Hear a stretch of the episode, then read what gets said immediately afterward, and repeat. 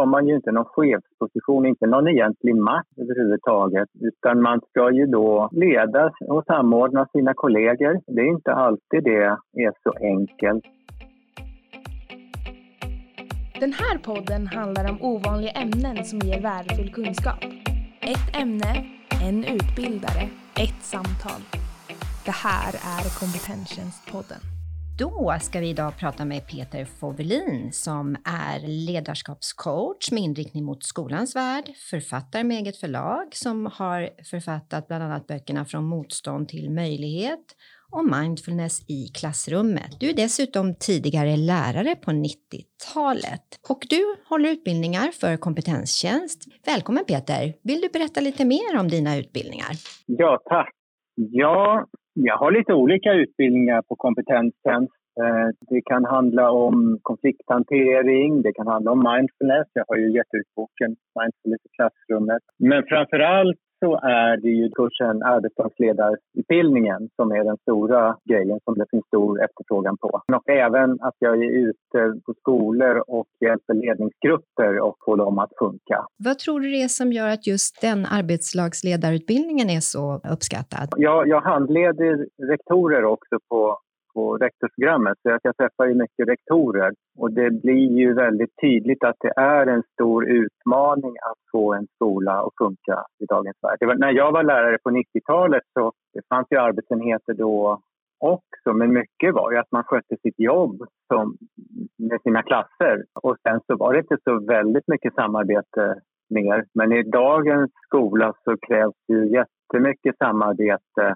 och utvecklingsarbete och samordning. Så att arbetslagen är ju jätteviktiga och det är svårt för rektorerna att, att hinna med. De kan inte leda arbetslag. Det går inte, utan det måste finnas duktiga arbetslagsledare som tar hand, om, tar hand om det. Så de är nyckelpersoner på skolorna. Sitter ofta i ledningsgruppen också. Ja, skulle du kunna beskriva rollen som en arbetslagsledare har? Ja, ja på mina kurser så kommer ju arbetslagsledare ända från förskolan och upp till gymnasiet och även komvux och andra utbildningsinstitutioner eller organisationer också. Men det typiska om vi ser på grundskolan kan ju vara att att en arbetslagsledare har hand om eh, på möten de lärare som är till exempel i årskurs 7 eller i årskurs 4 till 6 eller beroende på hur man har organiserat skolan. Då. Och då är det arbetslagsledaren som har ansvar för att hålla möten. Ofta är det en gång i veckan som man träffas och ta hand om både saker som det är bråttom med som måste fixas och utvecklingsfrågor som är lite långsiktiga. Så det är, det är ett stort ansvar, ett viktigt, ett viktigt uppdrag.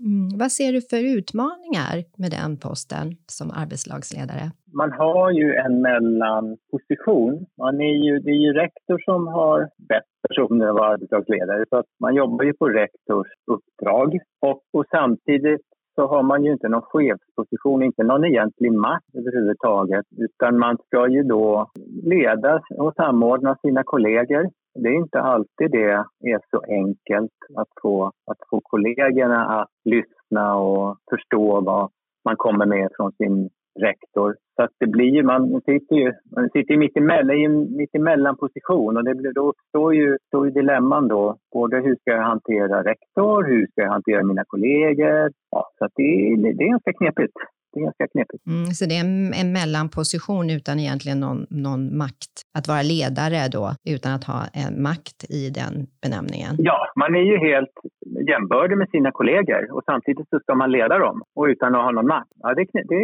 det är ganska, kan vara knepigt. Det förutsätter att, att kollegorna tycker att man gör ett bra jobb och har förtroende för en och, och, och sådär. Hur gör man då för att eh, göra ett bra jobb och skapa förtroende? Alltså det jag gör på kursen är ju först att vi tittar på grundförutsättningarna. Alltså hur ska vi organisera det här för att det ska finnas bra förutsättningar. Då handlar det om eh, att se vad uppdraget är, att uppdraget är tydligt formulerat så att man verkligen vet vad man ska göra. Det är inte alla som, som har det så. Ibland är det så att rektor ber en att bli arbetslagsledare så säger man ja och sen så säger rektor ja men det är bra, kör på. Ni har ju era möten så att jobba på och det är ju ofta inte tillräckligt utan man behöver ju, man, det behöver finnas en tydlighet vad sjutton är det jag ska göra då? Och vad är det mitt arbetslag ska göra? Så det är ju en första grundförutsättning att det finns en tydlighet och att den tydligheten det stämmer överens, att det finns en samsyn. Att rektor ser på det, eller skolledningen ser på det på samma sätt som jag som arbetslagsledare och att mina kollegor i arbetslaget också ser på det på samma sätt. Alltså vad arbetslaget ska göra och vad arbetslagsledaren ska göra. Så det, det är ju en grundförutsättning. Ja, skulle du kunna ge ett exempel på hur, hur, hur det ser ut när man arbetar med just tydlighet? Ja, det handlar ju om eh, en, en första förutsättningen är att det behöver finnas nedskrivet vad är det jag ska göra som arbetslagsledare, alltså en uppdragsbeskrivning. Och den uppdragsbeskrivningen ska ju komma då från skolledningen och man ska ju också då få, som arbetslagsledare ha fått chans att sätta sig ner och prata om det här. Ja, är det här rimligt? Är det här bra? Är det här det här jag ska göra? Så att man, man vet att man har samma utgångspunkt då, både, både rektor och man själv. Och det där måste man ju prata om. Det, det, alltså, rektorer är ju supertjåkare, de har ju hur mycket som helst att göra. Så att när jag säger att ja, ni måste sätta er ner och prata med arbetslagsledaren om, om det. Ja, men vi har så mycket att göra. Ja, men det är superviktigt. Arbetslagsledaren ska få chans att säga ja, men det här känns okej okay, eller ja, men det här känns inte okej. Okay. Eller vad menar du med det här? Den dialogen krävs ju då för att få en samsyn kring det. Ja, så vad är din erfarenhet hur det fungerar? Nu förstår jag att det fungerar olika på olika skolor naturligtvis, men vad är din generella erfarenhet av hur, hur det ser ut idag? Det är väldigt olika. Det är en del deltagare på kursen som kommer, ibland kommer de tillsammans med sin, sin rektor eller biträdande rektor och det är ju superbra. För att då har de ju förstått att det här måste vi ha en samsyn kring. Och på en sån skola kan det vara så att det funkar jättebra. Så de har jag på kursen. Men jag har ju också de som kommer och säger att ja, men jag har blivit ombedd att ta det här och sen har vi inte snackat mer om det och det finns inte en uppdragsbeskrivning ens. Utan, utan vi kör på ungefär som vi alltid har gjort i arbetslagen. Det varierar jättemycket hur det ser ut. Ja, det förstår jag då. Från att inte alls ha kommunikation till att till och med ha rektor med sig. Så vad är det mer de får med sig när de tar den här utbildningen? Då tittar vi på vad, ja, men hur gör man då? Arbetslagen, de träffas, det, det vanliga är att de träffas en gång per vecka på ett möte. Och det kan vara en timme eller en och en halv eller två.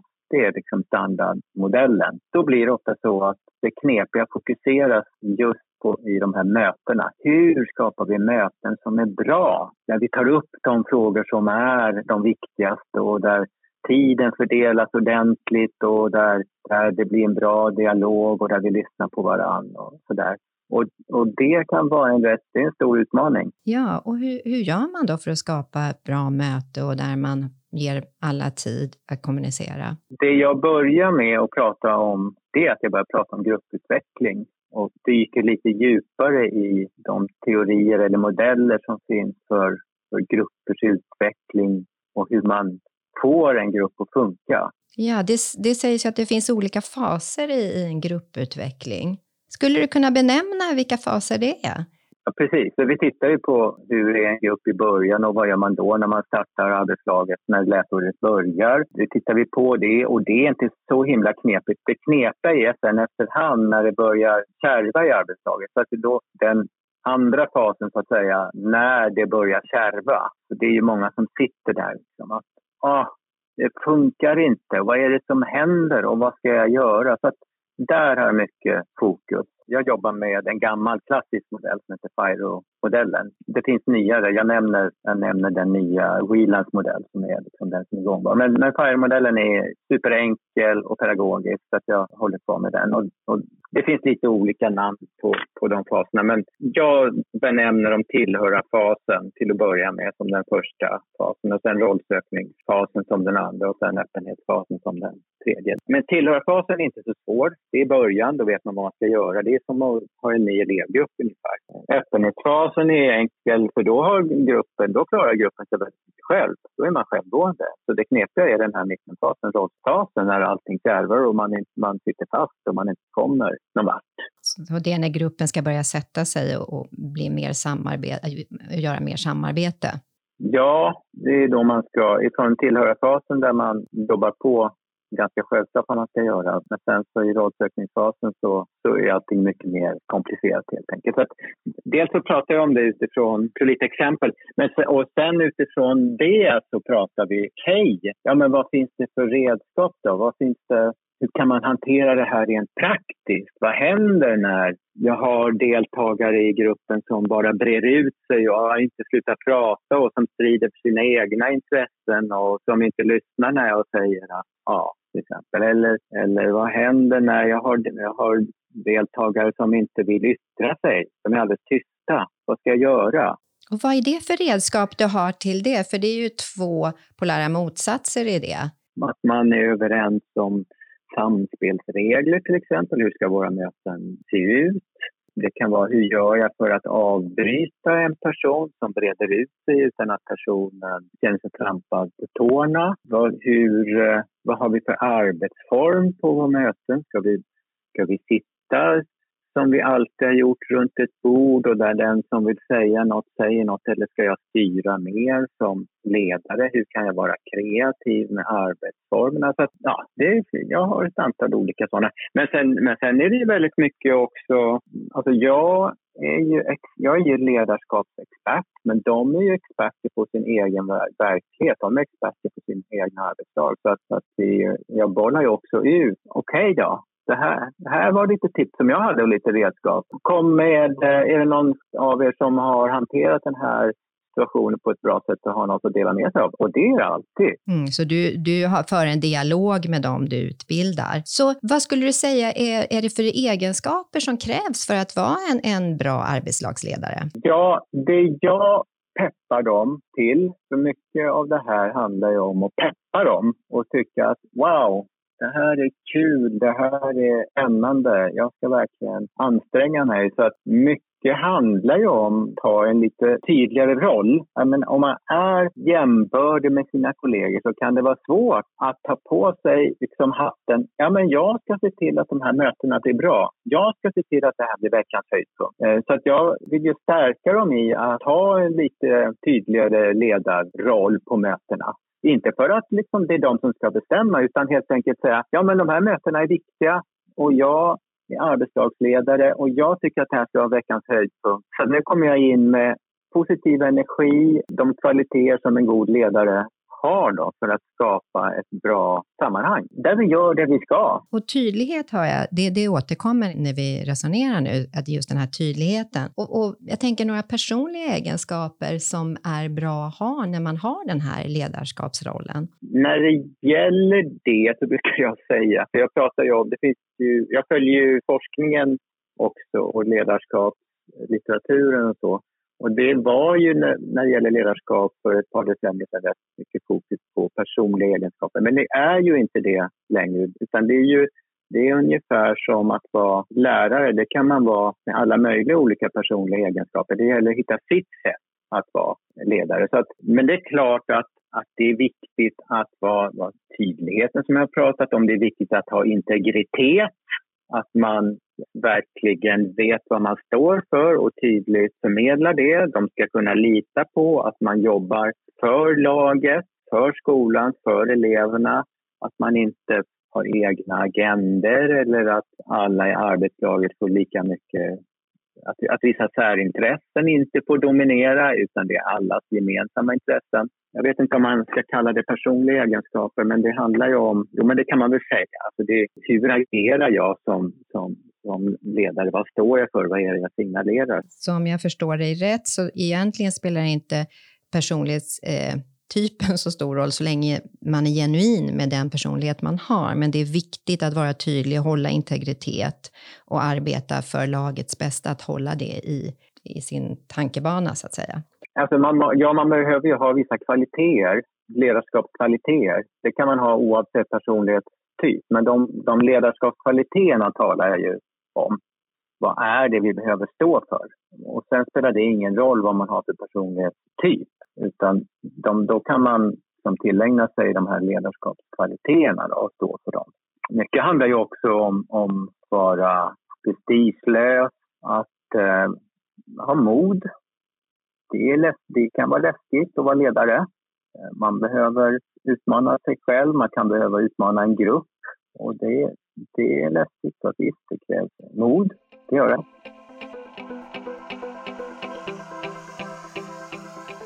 Vad har eh, led, arbetslagsledarna för stöd? Har de någon handledning eller något stöd? Det är olika. För att det är ofta så att en rektor kommer och säger vill du bli arbetslagsledare? Ja, men det kan jag vara. Ja, men det är bra. Här är uppdragsbeskrivningen i bästa fall då och jobba på. Och då säger jag att det, det är faktiskt inte okej. Okay. Det är inte ett okej okay sätt att göra det. Utan om en rektor kommer och säger vill du vara, vill du vara arbetslagsledare? Ja. Ja, men då här är uppdragsbeskrivningen och det här är mina förväntningar på dig. Och vilka förväntningar har du på mig? Den ömsesidigheten ska alltid finnas och det gör den ofta inte ofta av tidsskäl och tidsbrister men också för att rektorer inte alltid har förstått det. Och då, när en rektor säger det, vad har du för förväntningar på mig? Då ska man sätta sig ner och prata om, om förutsättningar och stöd. Och, och en del rektorer ger bra stöd eh, och andra släpper iväg arbetslagsledarna och får klara sig eh, så gott de kan.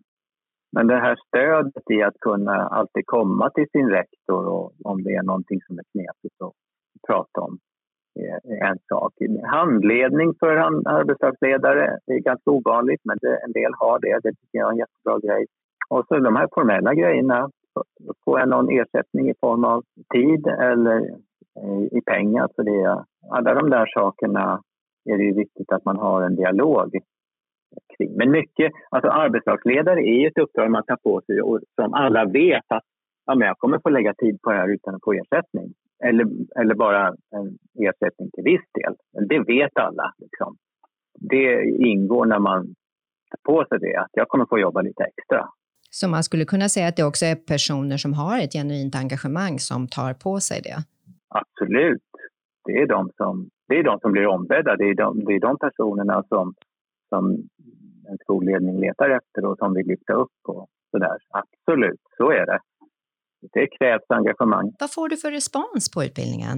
Det är kul för eh, jag avslutar alltid varje kurs med att vi kör en runda där de säger vad de tar med sig. Och det varierar jättemycket. För det är ju det kurs, det är kurs, den är väldigt späckad. Eh, det är en väldigt späckad kurs det är mycket vi tar upp. Så, att, så att det är olika saker de nämner. En del säger ja men den här tydligheten på förmiddagen, det var superbra. Och andra säger, jag ser på mitt uppdrag nu med helt andra ögon. En del säger, nu ska, nu ska jag gå ut i mitt arbetslag och vara kreativ. Så att de tar med sig jättemycket eh, olika saker utifrån deras egen situation. Då. Men det, det är hemskt kul för att det, jag ser ju på dem under dagen. Alltså det är en lärare som, som sitter en hel dag, de är inte vana vid det. De far runt på sina skolor och, och det händer mycket. Att sitta en hel dag, det kan vara jobbigt. Men, men eh, de brukar vara fulla med energi till, tills en halvtimme kvar och den sista halvtimmen så får de kämpa lite grann. Så att det får massor med sig och på slutet så, så, eh, så kämpar de lite för att då har de suttit en hel dag. Men då pratar jag om det personliga ledarskapet för det tycker de är intressant i alla fall. För då handlar det om dem som individer, så då, då hänger de i på slutet. Så det varierar jättemycket vad de tar med sig. Men men det är jättekul att se för att jag ser verkligen, i varje fall fram till sista halvtimmen, att energin är jättehög i rummet. Och så får de kämpa lite på slutet. Så det märks att de tycker att det är givande. Berätta lite mer om det personliga ledarskapet som du avslutar med. Vad, vad handlar det om? Det är bland annat det här som jag pratade om, att vad är det för kvaliteter som man behöver. Då? Integriteten, tydligheten med ens avsikter. Att man, det krävs också kompetens. Man behöver kunna en massa saker som ledare. Men, men kompetens skaffar man sig efterhand. Det kan man inte förutsätta att man har från början. Eh, och, och att, man, man, att man är beredd att verkligen äga ett problem. Alltså problemet, jag är arbetslagsledare. Det är jag som ska se till att arbetslagsväsendena blir bra. Oavsett nu om jag har fått ett svårt gäng eller ett gäng som, som funkar bra jag har ett ansvar. Jag kan inte säga att ah, ja, det blir inga bra arbetslagsmöten för det, vi har inget bra arbetslag. Nej, okej. Okay. Jag ska se till att fixa det så gott jag kan. Det finns inga garantier, men det är mitt ansvar. Jag är arbetslagsledare. Att man alltså verkligen tar på sig eh, uppdraget. Och då är det ju också viktigt att det är tydligt. För att kunna äga uppdraget så behöver det ju då naturligtvis vara tydligt. Absolut, det behöver vara tydligt. Och man behöver ha hög motivation, så vad är det som bygger motivation då? Vad är det som, som gör att ja, men det här vill jag, det här krävs en arbetsinsats? Och då kommer man ju också in på det här med att man måste tro på att man kan klara uppgiften med de resurser och det stöd man får. Så att det, där är det ofta som motivationen svajar lite därför att man känner att jag får inte det stöd som jag behöver. Så det är en del som ser det. Ja, men det är där, det är där motivation, det är där min brist på motivation kommer ifrån, att jag inte får det stödet. Men, men sen också att om man är arbetslagsledare och verkligen tar på sig rollen på det sätt som jag pratar om den, så kommer man också stöta på motgångar. För man, man, ledarskap är knepigt och om man är modig och testar grejer så kommer en del att lyckas, men allt kommer inte att lyckas. Och det tar du också upp där, hur man möter motgångar när de kommer? Ja, precis.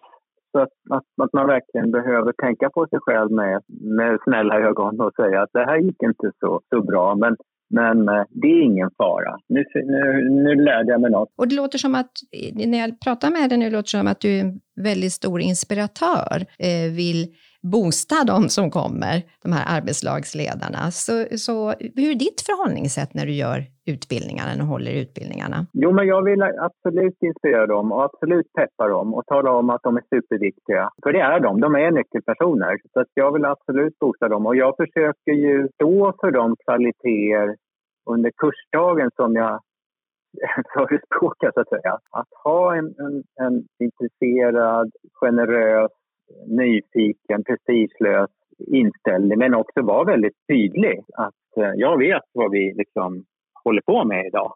Men samtidigt ha en öppenhet för vad händer i rummet, vilka synpunkter har ni?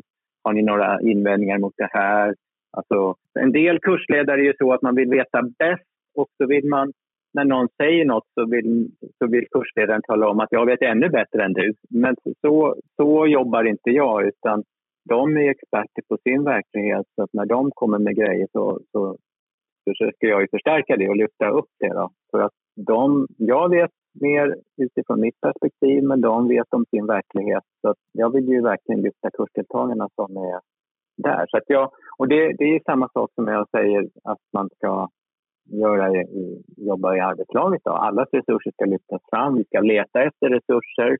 Eh, de som är tysta ska vi särskilt vara uppmärksamma på och försöka lyfta fram. Jag försöker ju bygga grupp också. Jag menar, även om om den här FIRO-faserna med tre stycken faser, det fixar man inte på en, på en dag, så är det ju ändå skillnad ifrån när de kommer dit på morgonen och folk inte känner varandra och på slutet när man sitter i grupper och pratar med varandra och sådär. Så att lite granna grupputvecklingsfas blir ju det. Och det är ju en helt annan sak än om man har en stor föreläsning där man bara står och pratar. Ja, så de har, så de har, möjlighet, och, och, och, de har möjlighet att få kommunicera med varandra och arbeta i grupp och utbyta erfarenheter också? Ja, precis. Jag har lite små grupparbeten. Det är ju inte några långa grejer, men de, de får ändå grupparbeten. Och kommer de från samma skola så då får de ju prata sinsemellan.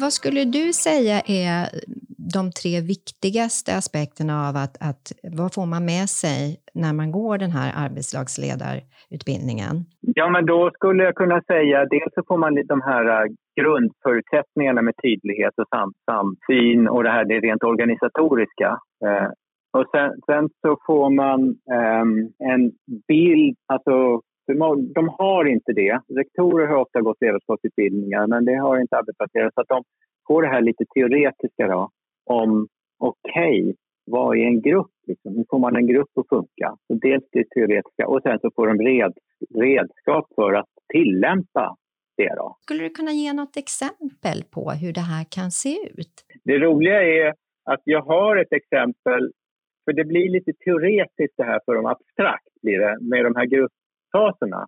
Och då har jag faktiskt ett, ett, ett verkligt exempel som jag läser från en bok. Och det är från en elevgrupp, en lärare. Det finns ju liksom jättetydliga paralleller till elevgrupper här, även om jag har fokus på vuxna. Men det är en lärare då som, som lyckas med en jättekomplex process i sitt klassrum mellanstadiet, de, de jobbar i grupper och så, sen så ska de jobba i helklass och då kör allting ihop sig. Då får de fundera kring, okej, okay, vilken, fas, vilken fas är den här klassen i och vilken fas är de här smågrupperna i och vad är det läraren, ledaren eh, gör? Och det där blir en ögonöppnare för då får de se hur, hur komplext det är och vad faktiskt en duktig ledare gör i den här rollsökningsfasen för att en, en klass ska, wow, ifrån att allting har kört ihop sig och så håller de på en dag och sen så på, mot slutet av dagen så löser sig, liksom hela klassen kommer fram till, till ett resultat. Som ett, blir jag jättenyfiken på vad det handlar om. Det är en mellanstadieklass som ska de är uppdelade i grupper så ska de läsa om Norden och så ska de välja vilket land som de ska läsa om. Och då så kommer grupperna fram till att ja, men grupp 1 vill läsa om, om Danmark och Island ja, och så vidare. Men det där krockar ju sen när man ska, ska fördela länderna, för varje grupp ska ju ha olika länder. Och det blir ju en jäkla fight. Ja, men vi vill verkligen ha Island. Alla vill ha Island till exempel. Ja, men hur gör vi nu då? Och det ser ut att gå åt skogen tills, några, tills en elev tar ett initiativ och plötsligt så faller allting ut. Och läraren är, han, han släpper dem inte. Han liksom, vi ska lösa det här. Så att det blir väldigt... Så det där är en ögonöppnare att se ja, så här komplext är det och så här viktigt är det som ledare att få kläm på vad är det som sker i rummet just nu? Och vad kan jag göra för att hålla kvar ja. och vad kan jag göra för att lösa upp den här situationen? Så de ser parallellen jättetydligt till, till sina arbetslag. Ja, så det är just det där att hålla kvar och ha viljan och ambitionen att lösa det och se vad det är som händer. Det handlar mycket om närvaro också, tänker jag. Absolut. Det är mycket närvaro. Det, är, det, är, det där är läskigt. Det kan vara läskigt. För att det är lättare att säga, ja men jag tar väl det där som arbetslagsledare idag. Ja, ja, för det vill ju naturligtvis arbetslaget. Ska vi lösa det här tillsammans? Ska vi komma fram till något? Ska vi ta ansvar? Nej, men ta det du. Du är arbetslagsledare. Du har ju nedsättning, du har betalt. Eller så säger man, nej men det där är en skolledningsfråga, det ska inte vi ta. Alltså man försöker smita ifrån ansvaret och då så ska man som ledare säga, nej, det, vi ska lösa det här nu. Så att, eh, nu får vi anstränga oss. Okej, okay. ja, hur, hur, hur gör man då? då? Vad kan man ha för redskap för att, för att och förhållningssätt för att lösa situationen. Och det där, då, då hajar de... Ja, jag tänker det är där också modet kommer in. Modet, kompetensen, motivationen. Absolut. Det krävs mod för att hålla kvar i en process som det finns mycket frustration i. Och det är ju en sak att vara lärare, för då är det en tydlig uppgift som, som den här läraren gör i det här exemplet. Då. Men som arbetslagsledare är det knepigare att, att ta på sig den rollen och säga nej, vi, vi, kan inte släppa den här frågan utan nu får vi stanna med den. Jag tar inte det här som arbetslagsledare, vi ska lösa det här tillsammans. Ja, det krävs ju verkligen mod. Så det här är verkligen att ingjuta den här tydligheten också i sin egen roll eh, som arbetslagsledare, hör jag ju i den här utbildningen, och få de här redskapen och kunskapen, men också få exempel och, och även få kommunicera med, med sina kollegor på andra skolor. Ja, precis. Kollegor från andra skolor eller om man har med sig kollegor på kursen från egna skolan. Då kan man prata om praktiska utmaningar som man, man har i sina, i sina respektive arbetslag då, och stötta varandra. Låter som en viktig utbildning, arbetslagsledarutbildningen. Eh, där jag hör den här rollen som är mitt emellan i kläm, där man inte har någon egentlig makt, men man ska ändå leda sina kollegor är det ju också i det. Så det låter som en viktig utbildning och eh, också att få bli inspirerad och också eh, motiverad. Ja, ja visst. Och det är väl därför som det kommer att det är ganska lätt ändå för att fylla de här kurserna. För att det, det här behovet är ju tydligt både hos, hos rektorer och arbetslagsledare. Det är viktigt att få det här att funka. Så att, eh, absolut. Mm, begripligt. Och slutligen då, var, varför brinner du just för de här frågorna? Alltså jag tycker ju, alltså det, dels är jag skolmänniska, alltså jag älskar ju skolans värld och jag, jag gillar att ha lärare på kurs. En del säger ju att det är svårt att ha lärare. Det finns inget som är så svårt som att ha lärare på kurs. Och det är inte min erfarenhet alls. Det, det är inte ett dugg svårt tycker jag, men jag har ju skolbakgrund. jag brinner ju för skolan och gillar skolan. Men sen så tycker jag ju ledarskap är otroligt intressant. Eh, inte minst leda grupp då. Tycker jag är superspännande. Så att det, det är ju det, det, är det roligaste eh, med det här. För att det är så komplext. Det finns inga, det finns liksom inga lätta... Det finns ingen liksom, punktlista som man bara kan bocka av utan man måste ha den här närvaron som du pratade om, modet. Eh, man måste plocka fram sina inre resurser för, för att klara av det ledarskapet. Och det är ju jättespännande. Det hänger ihop med mindfulness för mig också. Det krävs mycket egen närvaro och eh, att känna sig själv och hitta sina resurser och sådär för att leda. Så jag, det, eh, jag tycker det är superspännande. Jag är väldigt intresserad av skolutveckling och följer forskning och sånt där om skolutvecklingen i stort. Så jag ser ju det här i ett större perspektiv Eh, också hur viktigt det här är att vi som lärare jobbar med det kollegiala lärandet och jobbar med att hela tiden få skolan att funka så bra som möjligt i, i den här komplexa tiden, komplexa världen som vi är. Liksom. Absolut, för vi jobbar ju med våra unga när vi jobbar inom skolans värld och det är ju vår framtid. Och där har vi mycket förebyggande vi kan göra, så att jag tänker en viktig roll i att få hela skolan att fungera. Precis, jag pratar inte så mycket om eleverna på kursen, men det är ju själva grundsyftet med allting. Vi gör ju det här för elevernas skull. Det är ju eh, det, är det som är själva syftet med, med allting. Utgivare av denna podd är Kompetenstjänst. Ett utbildningsföretag som erbjuder utbildningar och föreläsningar för fortbildning inom offentlig sektor. Så missa inte den korta versionen av detta avsnitt för ännu mer tips och kunskap.